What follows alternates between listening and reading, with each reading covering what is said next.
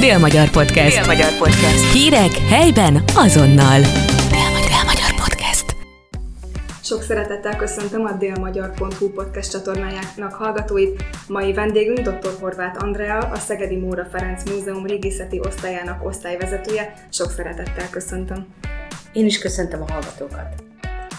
Korábban hallhattuk egy algyői előadás során, hogy közel 80 ezer régészeti lelőhely található ma Magyarországon, és ennek egy ötöde a délaföldi régióban található. Meséljen egy picit nekünk arról, hogy hogyan kell elképzeljük a régészeknek a munkáját, és a megyénkben, hogyha néhány ilyen régészeti lelőhelyet említene, azt köszönnénk. Csongrád megye rendkívül gazdag régészeti lelőhelyekben, nem csak Csongrád megye, hanem amit itt elhangzott maga a régió is, amiben ugye Bácskiskun megye és Békés megye tartozik bele. Ez a speciális helyzetéből, a földrajzi helyzetből adódik. A folyók, a nagyon bővízű folyók és a, a nagyon jó termőföldek, azok nem csak ma állnak rendelkezésre, hanem rendelkezésre álltak évezredekkel ezelőtt is. Tehát ezek olyan telepítő tényezők voltak, amik ide vonzották a, az elmúlt időszaknak az embereit, akik betelepettek erre a területre. A régészeti lelőhelyek azok védettek, mint ahogy mindenki tudja. Ezeket megbolygatni csak akkor szabad, hogyha nem lehet őket elkerülni. Azaz mindenféle házépítéssel, beruházással, hogyha bolygatjuk ezeket a lelőhelyeket, akkor bizony ott régészeti beavatkozásra van szükség, hogy szakszerűen legyenek ezek a leletek feltárva. Ami a lelőhelyek mennyiségét illeti, nem csak az a fontos, hogy hány ilyen lelőhely van, hanem hogy mennyire van felderítve ennek a, ezek a lelőhelyek. Azt mondhatjuk, hogy Csongrád megye élen járt nagyon régóta, hiszen a Szegedi Tudományegyetem már a 70-es évektől kezdve szakdolgozati témaként kiadta a terepkutatásokat, és ezért is van az, hogy olyan sok ismert lelőhely van. Nyilván ezek revízióra szorulhatnak, de többé-kevésbé ez egy nagyon jó alapot ad.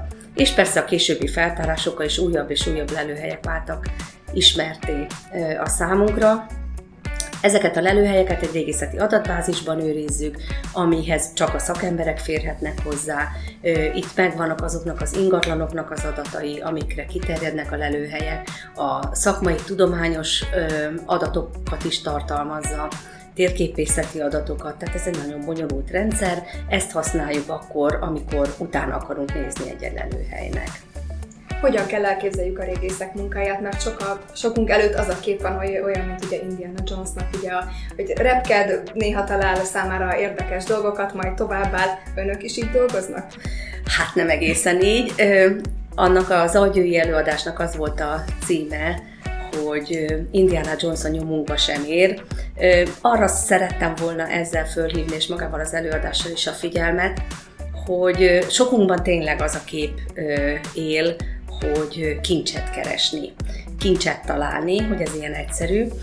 Ahhoz, hogy a, a régész tényleg kincset találjon, ahhoz viszont nagyon hosszú út vezet. Egyrészt 5 évig kell tanulnia, hogy régész lehessen, és nagyon kemény kiképzésen vesz részt, akár itt a Szegedi Egyetemen, akár Budapesten vagy Pécsen, szakosodik egy-egy speciális területre, szakdolgozatot ír, megvédi a diszertációját, és persze aztán lehet doktori dolgozatot is írni. Megpróbál elhelyezkedni, ami megint csak nem könnyű feladat manapság, és hogyha állást is talált, akkor bizony be kell illeszkednie abba kutató bázisba, ahol ő a, a munkáját végzi, meg kell tanulnia a, a munka, az ottani munkamódszereket, és hát a mai kornak a kihívásaival is szembe kell néznie, hiszen ma már nem úgy néz ki egy régészeti feltárás, mint nézett ki 40-50 évvel, vagy akár 100 évvel ezelőtt, amikor Móra Ferenc fehér öltönyben és kalapban napernyő alatt dirigálta a munkásait, hanem bizony lépést kell tartanunk a felgyorsult kivitelezési tevékenységgel, bár ugye a régész munkája megelőzi a, a kivitelezést, de nagyon gyakran párhuzamosan halad. Meg kell tanulni a nagy felületeken dolgozni. Vannak továbbra is olyan kutatások, amik évekig folytathatóak, ezekre pályázni kell, tehát például pályázni estet kell tanulni egy régésznek. Tehát nagyon sokat változott az elmúlt időben, és aztán persze kint a terepen azokat a módszereket, amiket megtanult, elsajátított, azokat alkalmaznia kell, akármilyen időjárási körülmények között, 40 fokban, mínusz 10 fokban. Tehát ez nem könnyű feladat. Kell valami különleges képesség, készség ahhoz, hogy tudja valaki a régész munkát végezni? Hát szerintem kitartás, az, az nagyon sok kell hozzá. Meg persze kell szerencse is, ha már itt kincsekről beszéltünk. Az, hogy, hogy a föld alatt mi van, azt ugye nyilván nem tudjuk.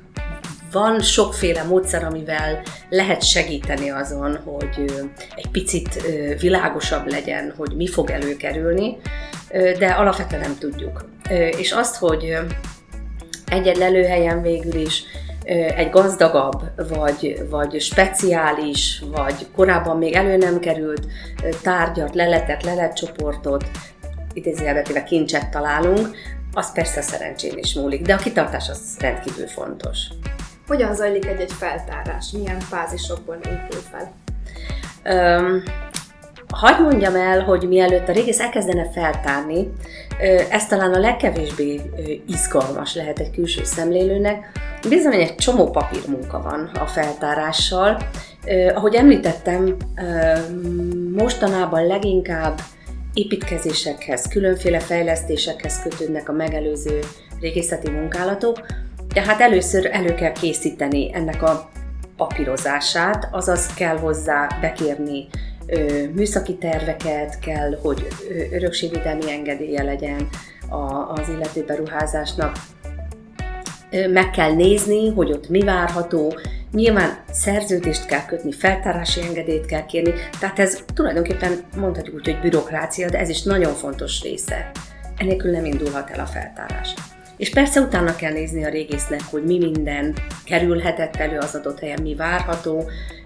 Majd amikor kimegy a terepre, tehát már ténylegesen a terepi munkát végzi, akkor a kitűzött területen, tehát az ő számára kijelölt területen fog dolgozni, itt nyilván szót kell érteni azokkal a munkatársakkal, akik a gépeknél ülnek, a, a markológépnél, tudni kell kommunikálni a beruházó képviselőivel, ha ütemezzük a munkát, akkor, akkor nyilván meg kell velük egyezni, tehát egy csomó képesség kell ehhez, és amikor eljut oda, hogy ténylegesen előkerülnek az első, úgy szoktuk mondani, hogy foltok az adott területen a humusz leszedése után, akkor azokat kezdi el kibontani, és folyamatosan dokumentálni, rajzolni, fotózni, és ugye ekkor jön az a nagyon jól ismert ecsetes, spaknis történet, amikor valóban a részlet, részleteket kibontja, legyen ez akár egy temetőben, egy sír, vagy legyen ez egy, egy település részlet,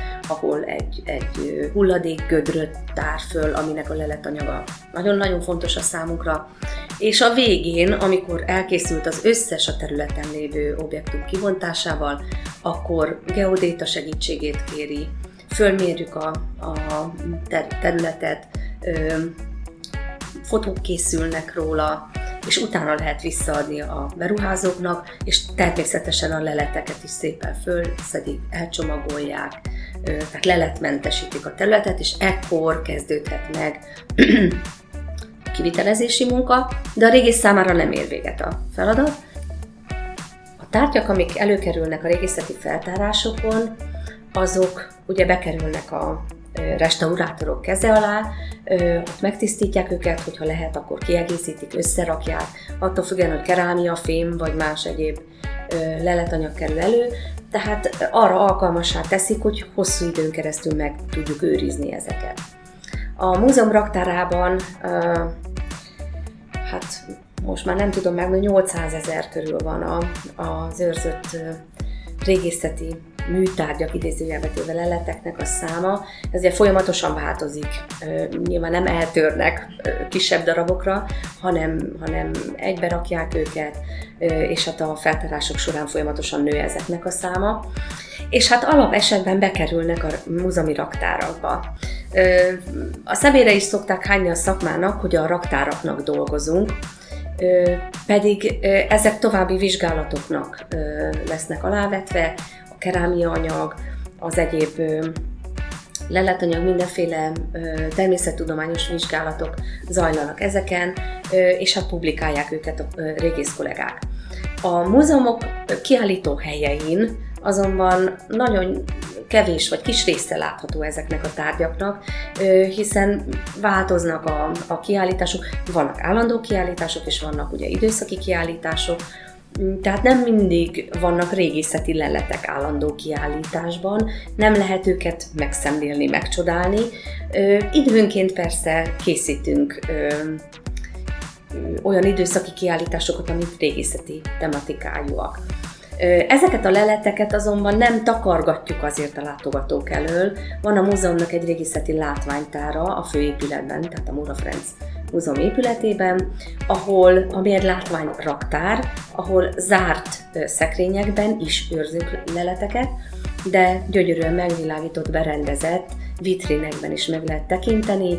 Nem olyan típusú, mint egy kiállítás, tehát nincsenek feliratok, szövegek, de kronológiai sorrendben vannak helyezve, kihúzható fiókokban az értékesek, leletek, gyöngycsorok, bronz leletek, és gyakorlatilag végig lehet követni egészen az őskortól a középkorig a régészeti leleteket, tehát egy metszetet azért kaphat a látogató, hogyha betér hozzánk, előzetes egyeztetés után meg lehet nézni ezt a látványtárat. A régészeti leletek csak az egyik részét képezik az információnak, amik bekerülnek a múzeumba. A másik részét a, a maga az információ jelenti, amit a régész a helyszínen tapasztal. Tehát azt, hogy hogyan fekszik egy bronz csat az elhunyt övének a maradványán, hogyan van az elhunyt nyakában a nyaklánc, hogyan van a kapcsolótű, a fibula fölhelyezve, hogyan rakták be, vagy hová a fegyvert. Nyilván vannak olyan részei a leleteknek, amik az idők folyamán elpusztulnak, tehát azokat már nem tudjuk rekonstruálni, vagy nem tudjuk megtalálni, viszont rekonstruálni lehet. Ezek azok az információk, amelyek nélkül tulajdonképpen a régész munkája csak a fele, a felét érné, tehát önmagában a lelet csak a fele a történetnek, a másik fele az információ, amihez jutunk a feltárások kapcsán. Ezért nagyon fontos, hogy szakszerű módon végkeződjenek el a feltárások, hogy akkor, amikor bármit is talál egy laikus, egy kincskereső, akkor azt a kincset ne csak önmagában a magáiratárnyér őrizzük meg, hanem, hanem mindaz a többi információ, tehát a másik 50% is bejöjjön, befusson a múzeumba, és akkor nem csak a kerámia darabkákat lehet majd összeállítani egy egész edényé, ha szerencsénk van, hanem a, a, az információkat is össze lehet állítani. Tehát az egyik az, hogy mit csináltak, a másik fele meg azt, hogy hogyan csinálták, hogyan éltek. Az jön ki a másik oldalon, és az egyik oldalán pedig ott vannak a tárgyak, hogy milyen tárgyak között. Volt már rá példa, hogy összeállítottak ilyen darabokból egy edényt? Vagy igen, igen, igen, ha szerencsénk van, és, és tényleg ö, ö, jó szeműek a, a restaurátoraink, már pedig jó szeműek, ö, akkor sikerül ezeket összerakni. Ha pedig kisebb hiányok vannak, mert hiszen nem biztos, hogy előkerül minden darab, akkor, akkor jelzik, kiegészítik a, a kerámiát, tehát akkor akkor is meg lehet mutatni azért, hogy milyen volt, csak akkor jelezzük, hogy ez a rész az eredeti, a másik fele pedig nem. Említett az időszakos tárlatokat. Van-e tervben most itt, hogy Szegeden nyitnak egy ilyen tárlatot a közeljövőben? Ö, hát most a régészeti nincs. Van egy régi adóssága a múzeumnak, a az arany kiállítása, ami fönt volt a, a kupola melletti teremben, az a felújítás előtt elbontásra került, mert a fűtőtestek, ablakok, azok felújításra kerültek, és ezért le kellett bontani ezt a kiállítást, és, és tervezzük, mert nagyon sokan keresik ezt a kiállítást, tervezzük, hogy ezt vissza fogjuk állítani. A kiállítások metodikája, tehát hogy most mi fog érkezni hozzánk máshonnan, mi nem, ez mindig hosszú egyeztetés előzi meg. Nyilván, ha a kész kompakt kiállítás kerül a múzeumhoz, akkor, akkor azt kell tudnunk, hogy ahonnan jön, mikor végződik ott a, a kiállításnak az ottani karrierje, és mikor tud hozzánk jönni, szabad-e az út. Mert például a Covid alatt volt tervben több kiállításnak az érkezése, és, és akkor nem sikerült ezt megvalósítani. Hát most is beleszünk zárva két hónapra, sajnos januárban és februárban a látogatók elősüt teljes egészében, de ettől a, a tervek szerint megpróbál haladni a múzeum a, a, a tavaszi nyitásra, hogy felkészüljünk a látogatókra. Mi történik akkor, hogyha vásárolunk egy ingatlant, és arról később kiderül, hogy az egy lelőhely igazából, de nem tudtunk a vásárlás pillanatában arról, és például elindult az építkezés. Ez jár bármi következménnyel? Hát, eh, rosszul kezdődik a dolog. Tehát mielőtt ingatlant vásárolunk, tessenek szívesek lenni mindenki, elmenni az örökségvédelmi hatósághoz, idézőjelbe az elmenni, tehát telefonon, elektronikusan érdeklődni, hogy az adott helyrajzi számmal rendelkező ingatlan benne van ebben a bizonyos adatbázisban, mert már a vásárlás előtt akkor tudjuk, hogy mivel állunk szembe. Ott, a, ott is régisz kollégák ülnek, ők tájékoztatni fogják a leendő vásárlókat, hogy erre, erre, erre és erre kellene figyelni. Itt, hogyha ön egy ekkora épületet akar ilyen alapozással, erre számíthat, ennek ennyi a hatósági ára, ezt tessék megfontolni, és akkor már mindjárt nem futunk bele olyanba, hogy utólag derül ki.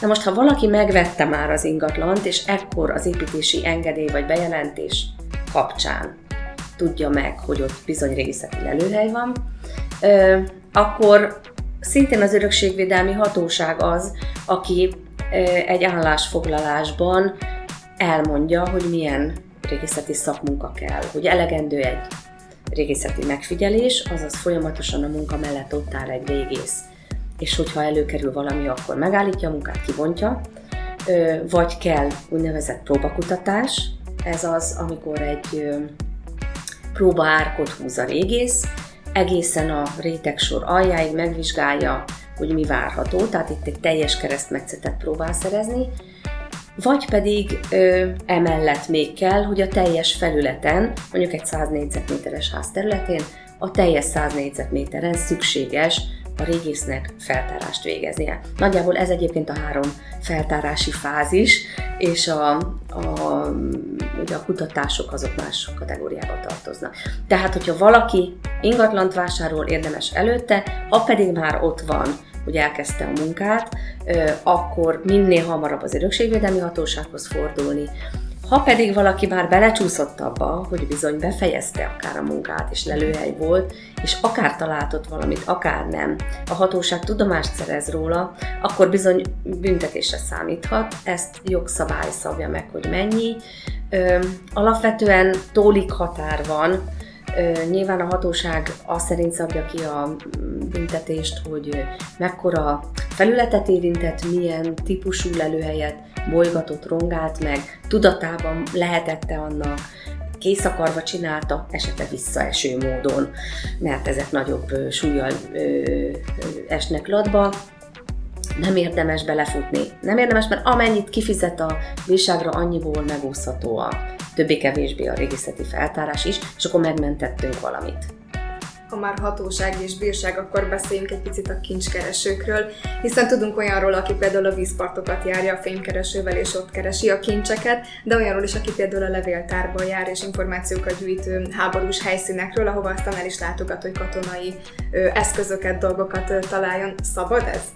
Ö, szabad és szabad, csak megfelelő keretek között. Sokáig nem volt szabályozva jogszabály által, hogy hogy milyenféle módon lehet fémkeresőzni. A szakma is megosztott ebben a kérdésben. Van, akinek az a véleménye, hogy nem lenne szabad olyanoknak, akiknek nincsen szakmai felkészültségük fémkereső műszert a kezébe adni. A szakma másik része pedig azt mondja, hogy be kell vonzani őket, és a múzeumok vonzáskörébe beterelni ezeket az érdeklődőket, és hát ha akkor nem fognak veszélyes vizekre evezni. Na most mind, mindkét érv mellett, vagy mindkét irányzat mellett lehet érveket és ellenérveket mondani. Ami a szabályozást illeti, az az, hogy azt kaphat fémkereső műszerre engedélyt, hatósági engedélyt, aki a helyi illetékes múzeummal, ugye úgy mondjuk, hogy a gyűjtőkörén illetékes múzeummal köt egy megállapodást, és az szerint végzi a tevékenységet. Hát ebbe benne van, hogy naplót vezet, bejelöli a térképen, hogy mit talált, hogy évente leadja az ő általa talált leleteket, stb. stb. Ezt általában a múzeumok megkötik, hogyha, hogyha bejön hozzájuk valaki, mi is megkötjük az érdeklődőkkel, hiszen nem vizsgáljuk azt, hogy ő milyen szándék, nem tudjuk vizsgálni, hogy milyen szándékkal fog fémkeresőzni, és akkor ezzel a bizonyos megállapodással mehet az örökségvédelmi hatósághoz. Engedélyt csak olyan ingatlanra lehet kapni, amelyik, és ez egyébként a legnagyobb akadálya a fémkeresőzésnek, a, amelyiken nincsen nyilvántartott lelőhely, és amelynek a tulajdonosa írásban hozzájárult a fémkeresőzéshez. És ha ezek mind megvannak, tehát a múzeumi megállapodás és ez a két feltétel, akkor a hatóság meg szokta adni egy évre vonatkozóan az örökségvédelmi engedélyt. Nyilván ez általában próbaév, és hogyha jól működik, akkor hosszabbítható a, ez a bizonyos engedély. Akikkel mi együtt működünk, azok az a 8-10 fő évente, ők alapvetően azt, azt mondhatom, hogy problémamentesen működünk együtt, de nyilván ez a jéghegy csúcsa. Tehát nem tudjuk, hogy egyébként hányan fémkeresőznek illegálisan. Beszéltünk a vizekről, a vízpartról. Mit lehet tudni a víz alatti régészetről? Valóban az egy külön műfaj? Hát mindenképpen más közeg, az biztos, más módszereket igényel. Magyarországon sajnos a vizeink nem alkalmasak, vagy csak nagyon kevéssé alkalmasak arra, hogy hogy víz alatti régészetet folytassunk. Folyt a Dunában, folyt a Drávában, szonarazás volt Tiszán, itt a Tiszán is Szegednél. Nagyon gyors sodrásúak, nagyon rosszak a látási viszonyok a mi folyóinkban, ezért nem alkalmasak rá. Egy-két kisebb kutatásról tudunk, de az inkább a tengerpartoknak a műfaja, vagy a tengereknek a műfaja. Beszéljünk egy picit arról, agrár megye vagyunk. Ugye zúg a traktor szánt az eke, hogy a mondást tartja. Mi a helyzet, amikor egy ilyen szántás közben kifordul valami a föld alól? Hogyha egy ilyet talál például egy gazda, akkor hova fordulhat, kit keresen meg mindenféleképpen, hogyha számára egy értékesnek tűnő tárgyat talált? Ö, ugye beszéltünk arról, hogy nagyon sok a régészeti lelőhely, Igen. és nyilván szántják, lehet szántani, lehet gyümölcsös telepíteni, tehát alapvetően nem áll az útjába a régészet a, a mezőgazdasági művelésnek, mert ez teljesen természetes dolog. Akkor viszont, ha bárki, akár mezőgazdasági művelés közben, akár bármi más módon előkerül a keze alatt ásás közben, vagy, vagy hát szántás közben, akkor azt érdemes a legközelebbi múzeumban azonnal bejelenteni, ott hagyni a helyszínen, lehetőleg, hogyha az védve van, vagy, vagy valamiféle módon levédeni, visszatakarni, hogy a régészek akkor szakszerűen fel tudják tárni. Azt nyilván mindenki tudja, hogy a, aki kincset talál, visszatérünk megint a kincshez, aki kincset talál, ott van találói jutalom is, tehát erre is lehet számítani, hogyha, hogyha mondjuk nemes fémből készült tárgyak kerülnek elő ilyen helyen. Ami egyébként előhozott szok, elő szokott hozni tárgyakat, az a mélyszántás. Tehát ha már a mezőgazdasági művelésnél vagyunk, akkor a mélyszántáskorot 70-90 centén ott azért alaposan megbolygatódik a talaj, és akkor fordulhat ki mindenféle tárgy. Mm, érdekes, hogy a, a mezőgazdaságban dolgozók, így például a traktorosok is, nagyon jól tudják, hogy mi az, ami rendellenes egy szántóföldön, vagy mi az, ami mondjuk normális. Mennyire gyakori, hogy megkeresik önöket? Hát nagyon ritkán van, nagyon, nagyon ritkán van. Amitől meg szoktak ijedni, akár egy, akár egy építkezésnél, akár egy szántásnál, hogyha embercsontok kerülnek elő. Tehát általában az, az úgy visszatartja az embereket, akkor, akkor szoktunk bejelentést kapni ilyen esetben. Említettük a beszélgetés elején ugye az algyúi előadást, mely elmondjuk a hallgatóságnak, hogy egy algyúi tárlathoz kapcsolódik, ahol többek között ugye a skita sírokban talált kincseket is meg lehet tekinteni december 15-ig. Picit meséljen erről a tárlatról, hogy mi mindent lehet róla tudni. Hát ez is egy csontvászhoz kötődik tulajdonképpen, mert az agyai bölcsöde építésekor a területet ugye fel kellett tárni, és az egyik kollégánk egy darab magányos, melléklet nélküli sírt talált a, tulajdonképpen az építkezés kellős közepén, mondhatjuk, és polgármester urat ez ösztökélte arra, meg ismeri nyilván a, a településének a területét, hogy valamiféle helyi kiállítást kérjen, hogy a múzeum rendezze meg ezt a kiállítást, és az apropót az adta, hogy ahogy ő 25 éve vált le Szegedről, és lett önálló település, október 1-én ünnepelték ennek a, a, az agyő napját, és erre a jeles dátumra állítottuk össze ezt a kiállítást, amiben Nyilván kicsi a településnek a határa, tehát nem lehetett minden régészeti korszakból ö, látványos leleteket kiállítani, de van egy-két olyan korszak, aminek a, a leletei tényleg a nagy közönség számára is értékelhetőek, megmutathatóak, és ezek voltak ugye a Preskita Skida leletek, temetőről van szó, aztán egy szarmata temetőrészlet, és egy nagyon híres Árpád-kori honfoglaláskori temető részlet, aminek a leleteit végül is elvittük Algyőre. Ha jól tudom, még kettő előadást lesz a településen a tárlathoz kapcsolódóan. Mit lehet ezekről tudni, mikor lesznek az előadások? Hát, ha minden igaz, most már a fix az időpontja november 17 és 24, ha jól tudom, mind a kettő csütörtöki nap. A pontos időpontot még nem tudtuk lefixálni. Az egyik előadáson a Preskita Skitakorról az egyik régész kollégám fog, aki a korszakkal foglalkozik, és a az ő felesége pedig ö, skita gyöngyöket kutat, tehát ez egy ilyen dupla előadás lesz, vagy hát két részből álló. A ö, 24-én a honfoglaláskori ö, előadáson pedig egy honfoglaláskoros régész kollega fog előadni, egy ö, olyan, tehát ennek a nagyon híres Algyő 258-as kútkörzet elnevezésű lelőhelynek a honfoglaláskori sírjairól, és egy antropológus hölgyet visz magával, aki pedig ö, mindenféle koponyalékelésről és ö, betegségekről és egyebekről fog majd beszélni, tehát itt is megosztják majd az előadást. Ezek az előadások ingyenesen megtekinthetőek? Igen, igen, igen. Ott a faluházban, ahol a tárlat is van, ott lesznek ezek az előadások is. Oké, okay. nagyon szépen köszönjük. Szívesen. Dél-Magyar Podcast. Dél-Magyar Podcast. Hírek helyben azonnal.